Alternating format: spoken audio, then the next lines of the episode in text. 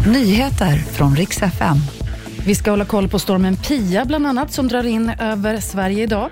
Och så ska det handla om Sveriges First Lady. Den här veckan fyller hon nämligen 80 år.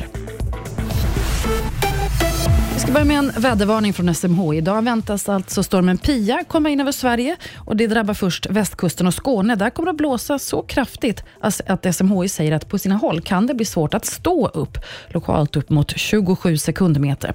Det här drar sen vidare upp mot Gävletrakten där hela E4 väntas snöa igen. SMHI flaggar därför att man ska kanske hålla sig inne och undvika att köra i bil idag om man inte måste. Allt fler kvinnor är aktiva i kriminella nätverk. I år ungefär 500 enligt polisen. Det här är en ökning med ungefär 100 personer sedan året innan och med 200 personer sedan året innan det. Dels beror det här på att fler kvinnor går med i nätverken, tror polisen. Så dels har man också blivit bättre på att kartlägga även kvinnor. På lördag, alltså den 23 december, då är det ju inte bara lilljulafton om man bor i Skåne. Det är dessutom drottningens födelsedag. Jämt fyller hon dessutom 80 år och många har ju firat henne redan den här veckan. Från riksdagen till exempel har hon fått ett bordssmycke. Det är en slags staty som föreställer Queens Gambit, ett schackbräde.